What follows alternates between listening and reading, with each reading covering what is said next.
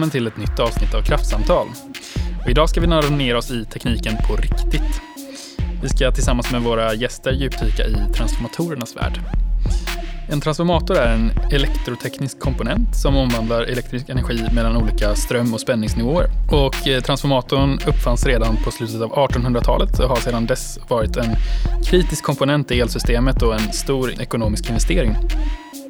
En transformator har lång livslängd och eh, det är därför viktigt att eh, överväga flera parametrar innan man tar ett beslut om vilken man ska köpa. Eh, som till exempel vilka laster kommer transformatorn utsättas för, både idag och om 30 år fram i tiden. Visste du till exempel att från generation till slutförbrukning så passerar energin i genomsnitt 4 till 5 transformatorer. Och i denna process så beräknas transformatorerna förbruka nästan 5% av den energin som genererats i rena värmeförluster. Och det gör ju att man behöver fundera över vad den totala livscykelkostnaden blir. Eh, det vill säga både inköpspriset och hur mycket energiförluster som eh, transformatorn utgör i, i form, form av spillvärme under hela livscykeln. Därför ska vi träffa en riktig expert idag som kommer berätta mer. Eh, och eh, det kanske till och med är så att det går att ta vara på spillvärmen från en transformator. Men det får bli en cliffhanger, för nu är det dags att presentera dagens gäst. Kraftsamtal, podden som ger dig kunskap och inblick i tekniken som behövs för att möta en av vår tids största utmaningar, den gröna energiomställningen. Jan Hayek är civilingenjör och arbetar som transformatorspecialist med över 30 års erfarenhet av transformatorer. På fritiden spenderar han mycket tid i skärgården eller i skog och natur. Nu är det inomhusväder och då ägnar han sig hellre åt släktforskning och nu på senare tiden även DNA-forskning inspirerad av sommarpratet med Peter Sjölund som löste frågan om de tragiska Linköpingsmorden. Jan löser dock inte mord utan letar efter sin mors okända morfar. Han gillar med andra ord att lösa problem såväl professionellt som på fritiden. Välkommen hit Jan. Tack. Väldigt kul ja, att vara här. Att vara här. kul. Um, Jan, så um, vi tar vara på tillfället här med en gång och frågar dig, hur fungerar en transformator? För du är ju specialist på de här. Ja, man kan beskriva en transformator på flera olika sätt naturligtvis. Men uh, man kan säga att det är en apparat som överför elektricitet mm. från uh, en spänning till en annan. Och uh, det man, ja, varför man väljer olika spänningar, eller har snarare med vilken ström man ska få. Det är att ju lägre ström, ju lägre förluster får man. Mm. Och det är ju så att sänker vi strömmen till hälften, vilket betyder att vi dubblar spänningen, så får vi en fjärdedel av förlusterna. Mm. Okay. Och som ni sa i inledningen så är ju förlusterna otroligt viktiga. Mm. Eh, I Sverige till exempel, där har vi 400 kilovolt på våra stora kraftledningar och därmed 400 kilovolts transformatorer. Och i våra hem, ja det har vi 400 volt. Ja, vi brukar säga 220 då, men det är 400 i trefas. Och, i mm. det, här. och det är ju en faktor 1000 i skillnad mellan mellan vad vi har på hemmet och vad vi har på kraftledningarna. Mm. Och skulle vi till exempel inte ha några transformatorer utan vi skulle köra den här spänningen hela vägen från kraftverket till, till hushållet, alltså 220-400 volt. Mm. Då skulle vi ha en miljon gånger högre förluster. Oj! Oj!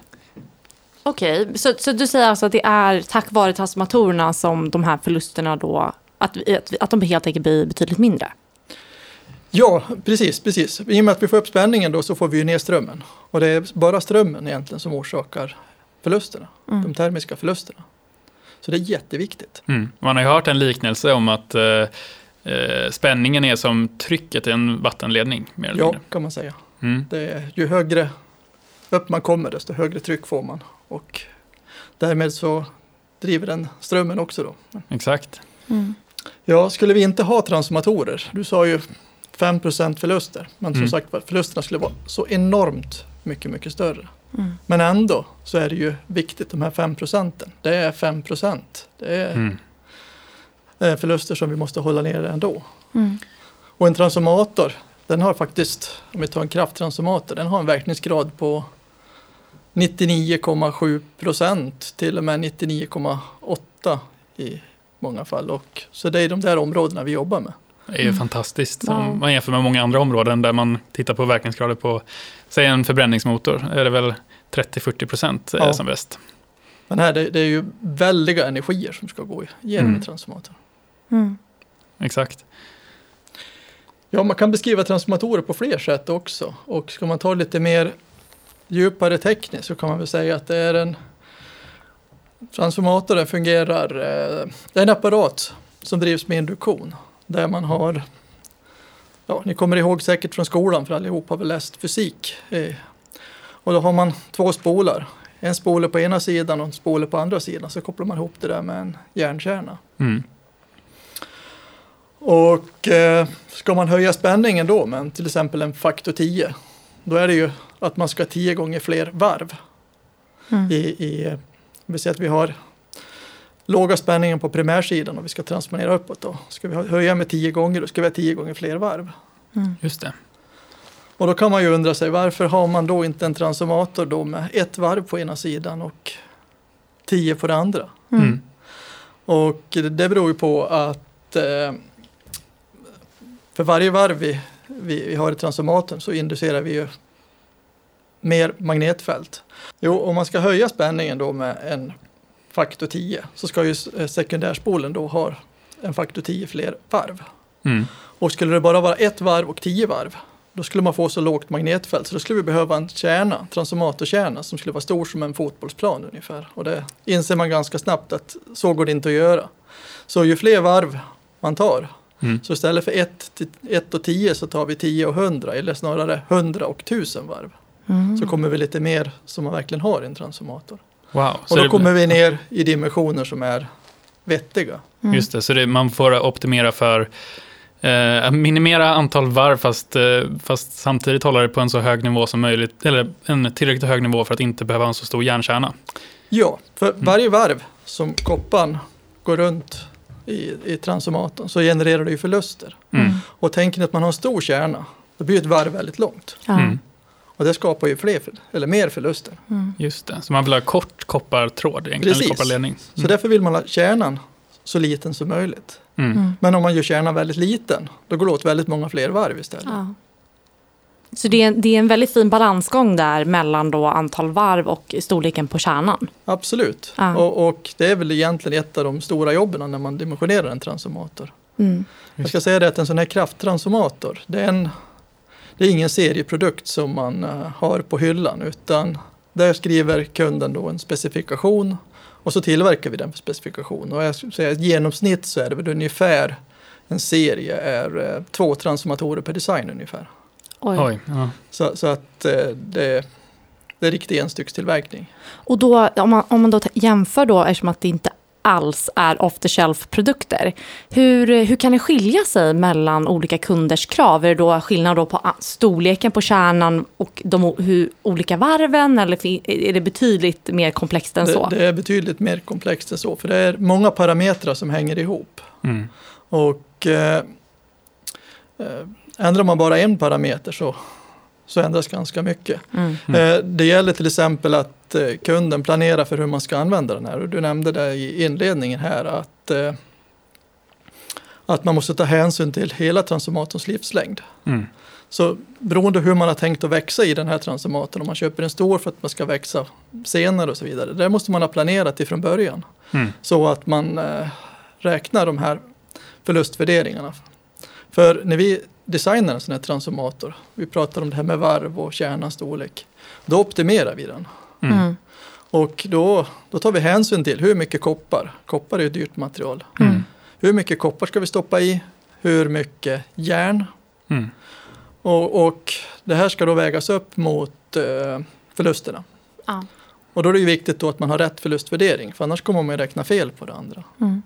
Just det, så då måste man, man måste ha ganska klart för sig hur, exakt hur kommer den här transformatorn användas, både hur länge och hur kommer belastningen variera över livslängden. Precis. Det låter väldigt eh, komplicerat och, och svårt att eh, bedöma. Ja, och jag, och jag tänker det du nämner här, vi pratar om att eh, transformatorer har en väldigt lång livslängd. Eh, vad är, eh, hur, hur gamla kan man hitta i, i Sverige idag som faktiskt eh, är aktiva? I Sverige idag vet jag inte riktigt men exakt. Men eh, i Europa så vet jag att det finns någon transformator som fortfarande är i drift som är 80 år gammal. Oj. Oj, Men det är inte alls ovanligt att transformatorer är 50-60 år i näten. Så, så då när, när vi pratar om då att man ska upp, upp, när man sätter in eller ger en spe, eh, specifikation till vilken typ av transformator man vill ha, då kan man behöva ha ännu längre tidshorisont än 30 år i vissa fall? Egentligen inte, därför att det här, när man räknar fram förlustvärderingar så använder man en nuvärdesberäkning. Mm. Och det som händer 30 år i framtiden, det blir till slut ganska litet bidrag. Mm. Så att eh, de första 20-25 åren Mm. är de som är viktigast. Mm. Just det.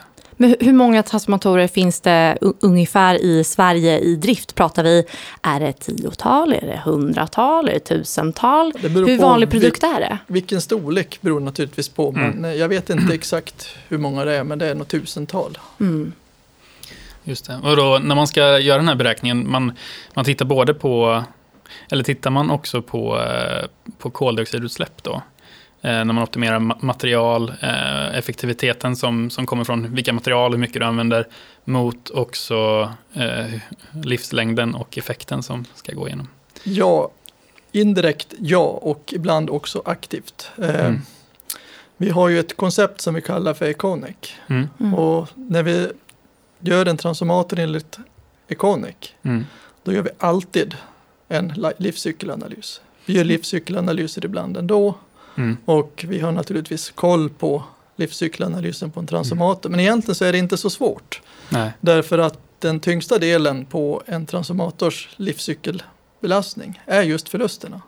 Mm. Ja, okej. Så gör man en som är väldigt bra optimerad så Mm. har man också gjort en som är bra ur, ur livscykelsynpunkt. Mm. Det är ju tacksamt. Sen så finns det naturligtvis andra aspekter också som Ja. är viktiga. Men vår miljö är ju också viktig, inte bara klimatet. Så det är viktigt också vad vi släpper ut. ja, Mm. exakt. Ja, precis vilka kemikalier och så som vi...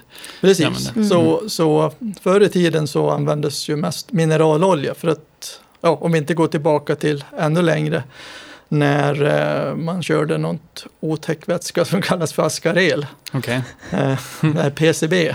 Oj, ja. Men det är helt borta idag. Det, ja, det är det får inte finnas, jag tror att det är max 2 ppm. Så det är liksom, Ja, det ska inte finnas rester kvar av det ens. Det är skönt att höra det. verkligen, verkligen. Men eh, idag så använder vi, alltså, ja, det är huvudsakligen fortfarande mineralolja, men det, det kommer andra vätskor också på marknaden. Mm. Det som börjar bli ganska vanligt är eh, olika sorters estrar. Just det. kallar naturliga och eh, syntetiska estrar. Vad är fördelen där miljömässigt? Ja, men det, fördelen är ju att det är biologiskt nedbrytbart. Mm. Mm. Så att får man ett spill i naturen så kan naturen ta hand om det själv. Ja, det låter ju väldigt bra. Det kommer även oljor också nu då som eh, är biologiskt nedbrytbara. Mm. Så det är inte bara estrarna. Estrarna, för att ni ska känna vad det är för någonting ungefär, en naturlig ester, vegetabilisk ester, det är i stora drag det vi häller på salladen. Okej. Jaha. Nu skulle jag inte rekommendera att ta en transformator-ester och hälla på salladen, för det finns lite eh, eh, ämnen i, så att, antioxidanter i, så att den ska vara oxidationsstabil. Men, men i stora drag så är det samma sak. Okej. Så då har det hänt ganska stor utveckling inom det här området då helt enkelt? Ja, det kan man säga. Ja. Det, Jag, jag börjar tänka också på, när, om, när du säger att vi gör en LCA eller livscykelanalys, då måste det vara ganska viktigt att man tittar på vad det är för eh, energimix i, på marknaden när den ska till. absolut, absolut. Det spelar jättestor roll. Mm. Och det tar man hänsyn till då. Om den ska till Sverige så har vi ganska lågt koldioxidutsläpp. Ja, absolut, så är det. Ja. Eh, påverkar det designen då? Eller blir det att man ändå det när vi gör designen så kommer Mm. vi ändå att jobba ifrån eh, förlustvärderingen. Mm. Mm. Så att, Det är eh, fortfarande det som är viktigast. Även, Så att man styr egentligen det där med, med att ha en bra förlustvärdering. ja, men det, det är snyggt. Och det måste vara samma sak med eh, energipriset då också när man räknar på kostnader. Eh, Det är naturligtvis, det är Och det- jätteviktigt. Och sen är det ju också internräntan när Ja. man räknar. Mm. Mm, Just det. Man ska ha en realistisk ränta som Mm. Så det, är, ja, det låter väldigt eh, spännande att göra de här optimeringarna. Ja. Sen är det ju inte bara ekonomisk eh, optimering på det viset när man designar en transformator. En tran- transformator är en väldigt rolig pryl att jobba med. För man får jobba med all fysik på en och samma gång. Mm. För om tittar man i en transformator så är det ju vi har väldigt höga spänningar. Mm. Vi har magnetfält. Eh, vi har papper som isolation och vi har olja som isolation. Mm. Oljan fungerar också som kylmedium. Mm. Just det. Och när vi säljer en transformator, jag menar, vi tillverkar den utifrån en specifikation och designar den efter, efter en specifikation. Och då är den ju inte provad innan. Så vi måste ju veta precis vad man gör när man Mm. designar den här. Mm. Eh, så att vi garanterar ju till exempel vilken ljudnivå den ska ha. Vi måste garantera förlusterna. Eh, den ska klara kortslutning och det måste vi ibland bevisa. Och då måste vi skicka till en transformator på ett kortslutningsprov. Mhm. Och allt det här kan ni då testa och prova då på plats i, där vi producerar transformatorer? Eh, Alltihop utom kortslutningsprov. Kortslutningsprov är så pass eh, avancerat så det gör man bara på några få platser i världen. Den Okej. mest berömda är väl i Arnhem i Holland. Okej, Mm. men alla då eh, transformatorer som produceras genomgår då testerna på plats och sen gör man det här slutförliga provet då i Holland? Ja, när det är kortslutningsprov alltså. Då Ja. slutförs det provet i Holland. Men sen efter det provet så tas den hem och provas, inspekteras och provas igen. För att bevisa att den inte har tagit skada av kortslutningsprovet. Såklart. För kortslutningsprovet är nästan att jämföra med ett krockprov på en bil. Med den skillnaden att den ska överleva, klara det. Utan Oj. skador. Ja. Fantastiskt. Man, så den måste vara ganska överdimensionerad på något sätt då? Inte överdimensionerad, men Mm. rätt dimensionerad. Okej, Mm. perfekt optimerad. ja. Det är fascinerande. Och eh, vi var inne lite och pratade om det här med LCA och att just att även om förlusterna är i fokus så börjar man nu ta in ännu mer parametrar när man kanske designar och optimerar eh, transformatorer till våra kunder. Men eh, eftersom att du har varit eh, inom transformatorbranschen i 30 år, vad, vad skulle du säga finns, ser du för trender annat på marknaden? Ja, En av de stora trenderna det är ju att vi tänker mer och mer på miljön. Att Mm. det är efterfrågan på de här biologiskt nedbrytbara som kommer mer och mer. Mm. Sen en annan trend som är viktigt det är ju brandsäkerhet. Ah, Och det här med brandsäkerhet det blir också viktigt om man ska optimera systemet, hela kraftsystemet. För eh, vi vill ju gärna, om vi ska ha låga förluster, att Mm. komma nära människor med, våra, med högre spänningar. ja. Och har man då ställverk mitt inne i stan, jag menar, om det börjar på brinna så är det ju en Mm. katastrof. Det blir Ja. direkt stora rubriker. Mm. Mm. Och då har man ju det till exempel de här estrarna då som är eh, betydligt mer brandsäkra. Ja, en Mm. ester brinner, men om den tar eld så finns det inte tillräckligt mycket energi i själva estern för att Mm. underhålla branden. Mm. En brand brinner ju så länge det är tillräckligt varmt så att den producerar brandgaser. Mm. Mm. Men om det sjunker, ja då stannar branden av sig själv. Ja. Vad bra, så det är, det är både bättre miljömässigt men sen också säkrare från brandsäkerhet? Ja, Mm. Okej. det har naturligtvis ett pris. De Ja. här eh, estrarna är dyrare och eh, transformatorn som sådant, eh, de är inte riktigt lika bra som isolationsmedia så att man behöver ta till lite mer isolationsavstånd och sånt Mm. inuti en transformator. Mm. Men det är ändå det kunderna är intresserade av? Det är inte jättestor efterfrågan än men den är på uppgång. Mm. Mm. Så att eh, vi har levererat ett antal på 400 kilovolt. Mm. Okej. Men Så det är lite så att vi, vi bygger den och säger att eh, nu bygger vi det här, det är bra för miljön, det är säkert eh, och eh, efterfrågan kommer att komma.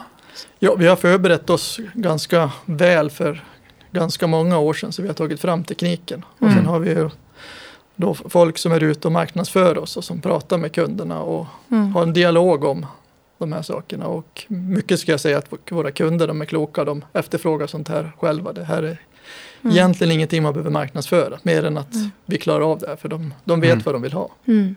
Ja. Precis. Och när vi, när vi pratar om att eh, transformatorer har så lång eh, livslängd, Ja. hur, eh, hur har ni tittat på när det kommer till återvinning? Jag tänker om vi pratar om att vissa transformatorer har funnits eh, närmare 50 år på, i våra, ute i våra ställverk och i våra nät. Hur, eh, hur se- ser man på, på den typen av fråga? En transformator är ju väldigt bra att återvinna, för det är ju väldigt bra fina material i den. linningarna består ju av he, nästan helt ren koppar. Mm. Eh, och det går ju att återanvända 100 procent av. Sen så är det ju papper i dem. Ja, pappret är väl svårt att återanvända så det går ju som bränsle. Mm. Eh, allt järn i en transformator återanvänds. Mm. Och eh, numera också, eller oljorna har ju naturligtvis alltid återanvänts i någon mening också. De har ju kunnat bli energi. Mm. Ja. Men, men eh, nu finns det också företag som eh, återvinner mm. olja. Alltså, alltså de tar begagnad transformatorolja och kör den genom, genom ett raffinaderi igen. Mm. mm. Och ut får man en ny transformatorolja mm. som är precis lika bra som en som inte är återvunnen så att säga. Mm. Det, det, märks ingen skillnad.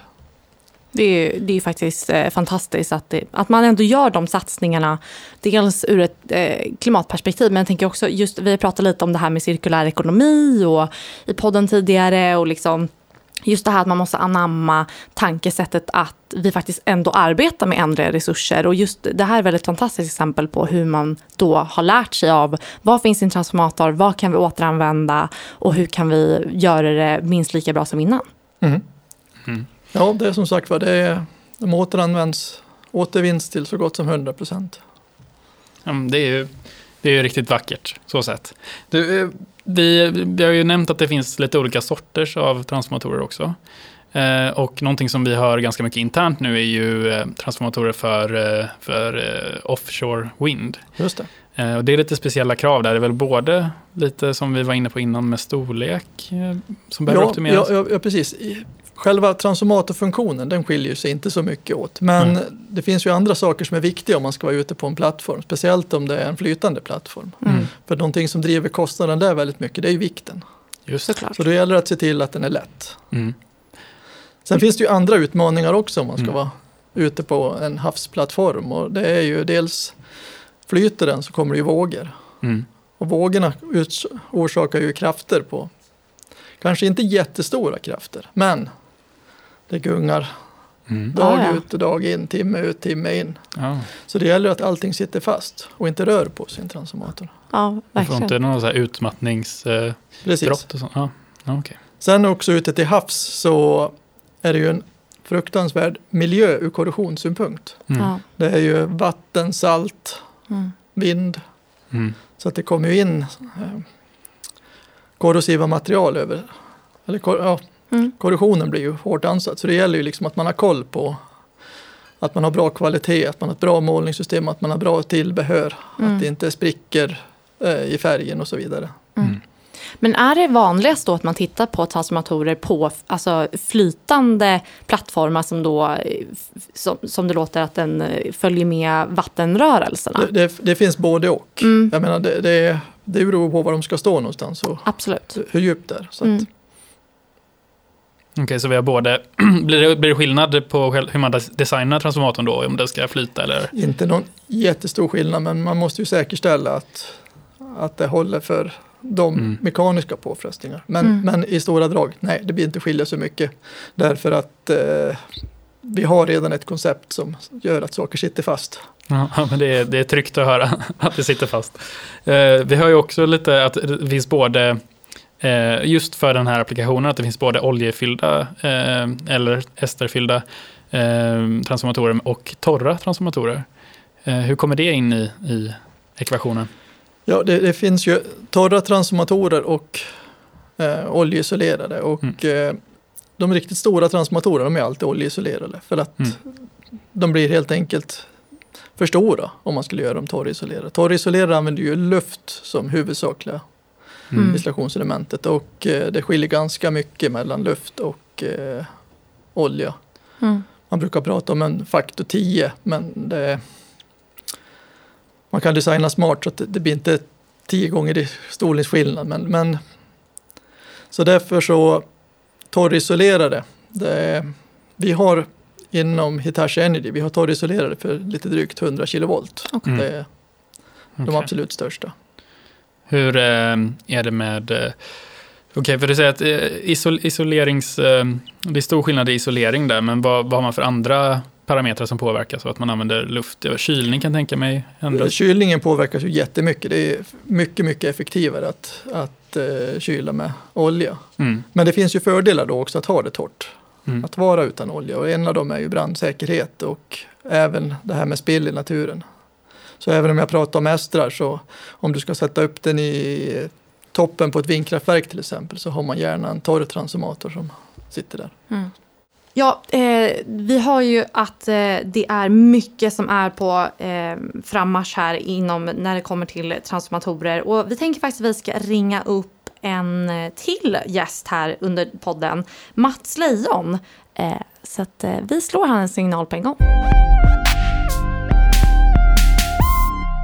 Mats Leijon är professor i teknisk fysik med inriktning mot elektricitetslära vid Uppsala universitet. Och Mats första anställning var vid ABB och har sedan dess jobbat i samarbete med sajten under många år.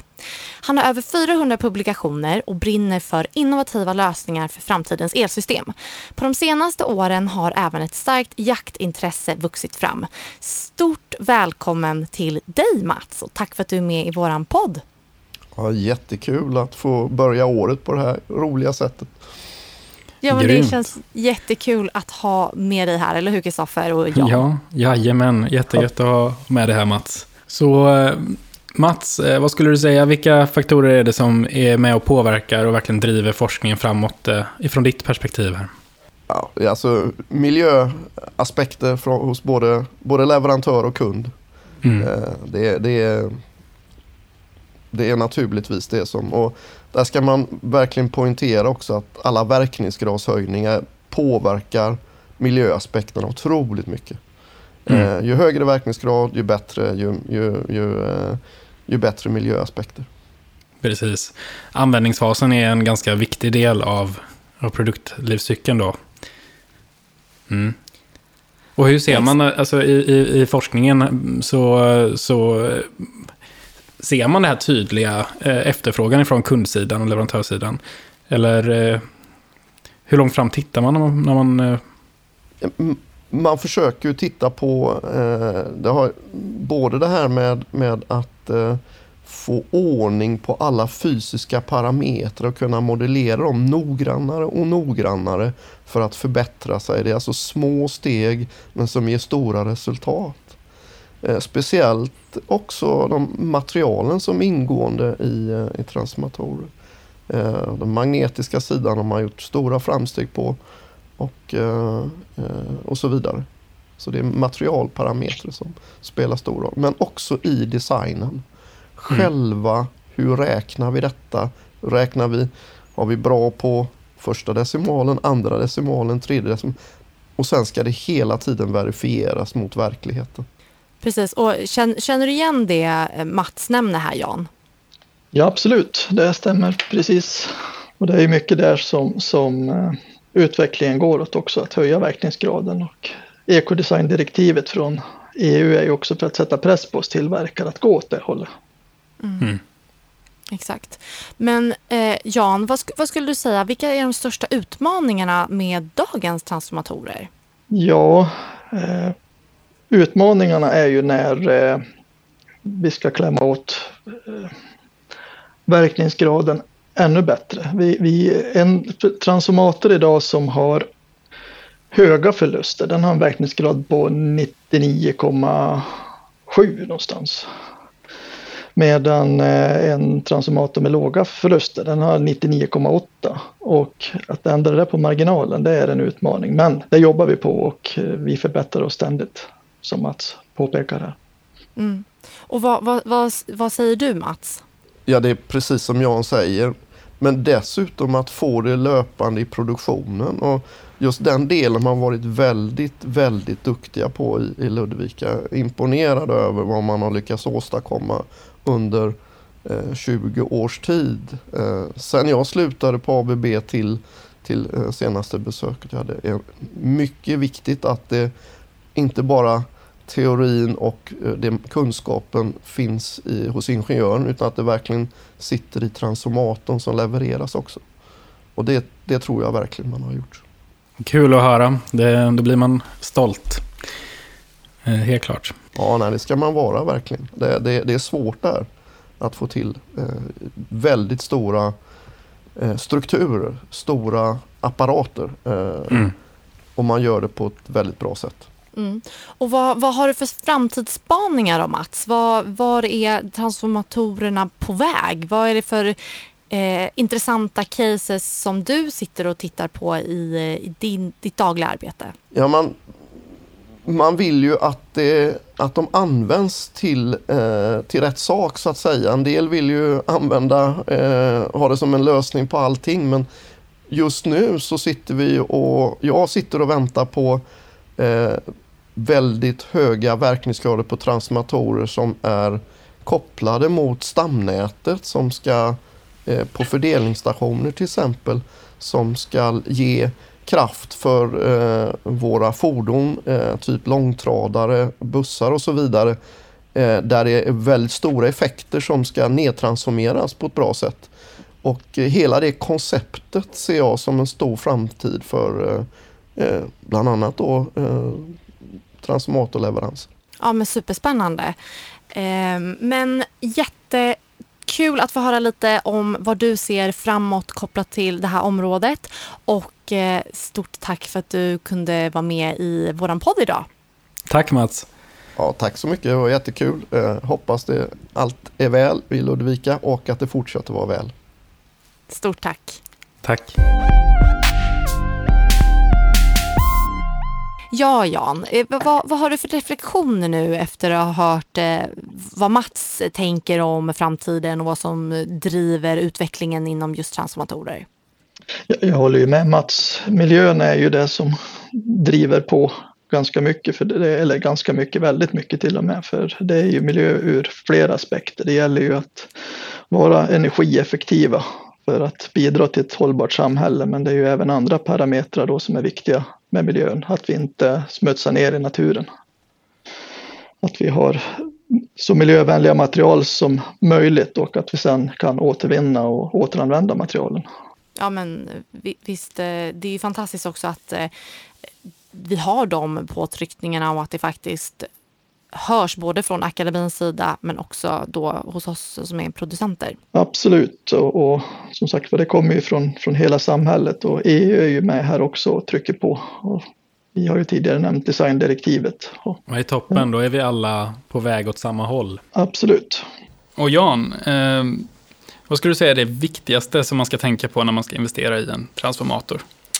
Ja, jag tycker nog att det viktigaste är att man har bra koll på hur man ska belasta den här transformatorn mm. under livslängden. Så man kan göra en bra förlustvärdering. Att man får med utnyttjningsgraden. När den ska lastas hårt mm. och inte. Så att man får rätt proportioner mellan eh, tomgångsförluster och belastningsförluster och eh, rätt värden på dem. Grymt, så man ska vara långsiktig och holistisk. Ja, mm. absolut. Mm. Sist men inte minst så brukar vi ställa en avslutande fråga eh, till alla gäster, Jan. Eh, och det är, vad är den viktigaste faktorn för att vi ska kunna ställa om till ett eh, fossilfritt energisystem, enligt dig? Ja, jag tycker att det är att vi har ett bra elnät som kopplar ihop förnybar och planerbar kraft utan onödiga flaskhalsar. Och att komponenterna då som till exempel transformatorerna som vi pratar om här idag, då, att de är energieffektiva. Mm. Och sen självklart måste vi alla som konsumenter se till att vi använder energin på ett effektivt sätt så vi inte slösar. Och utan effektiva elnät som fungerar i alla väder så riskerar vi att ja, folk, folk är påhittiga. Man kommer att göra sina egna lösningar om nätet inte fungerar. Så att, mm. Eh, då blir det dieselgeneratorer misstänker jag. Ja. Så att ett bra nät som funkar i alla väder. Mm. Det är bra medskick. Ja, och, och det kommer ju bli... Det är en fundamental grund för att vi ska kunna göra den elektrifieringen som, som vi ser i trenderna i samhället också. Ja, tanken är att vi ska byta ut mycket av vår eh, fossildrivna eh, industri mot el. Ja. Mm. Vi ska ha fossilfritt stål, vi ska ha fossilfritt cement mm. och så vidare. Ja. Mm. Och då, om man inte har ett elnät, Ja, då kommer Hur det behöva ett stabilt elnät. Ja. Och vad, vad, vad skulle du säga är den viktigaste ingrediensen i ett stabilt elnät? Ja, det måste ju vara att vi har planerbarhet. Mm. Mm. Att eh, det finns planerbar kraft. Ja. Just det. Vi, hade, vi har ju levt i en tid här nu med väldigt höga elpriser och det har inte blåst alla Mm. dagar. Ja. Mm. Jag tycker vindkraft är jättebra och vi ska naturligtvis bygga ut vindkraften. Mm. Det är... Men vi måste även ha en del planerbar kraft. Mm. Mm. Ja. Så man får tänka på helheten när man planerar framåt helt enkelt. Absolut. ja, men eh, jag, jag eh, håller helt med. Mm. Tack så jättemycket för att du eh, var med oss idag Jan. Ja, tack själva. Det var roligt att få komma hit. Stort tack. I nästa avsnitt ska vi få lära oss mer om digitalisering och vad man behöver kunna för att ta bättre datadrivna beslut. Gästar podden gör vår digitala guru Jetton Aliu som driver på den digitala utvecklingen både hos oss på Hitachi Energy och vid sidan av jobbet. Med oss har vi även Eva Turin, professor i energiteknik vid Mälardalens universitet. Missa inte det!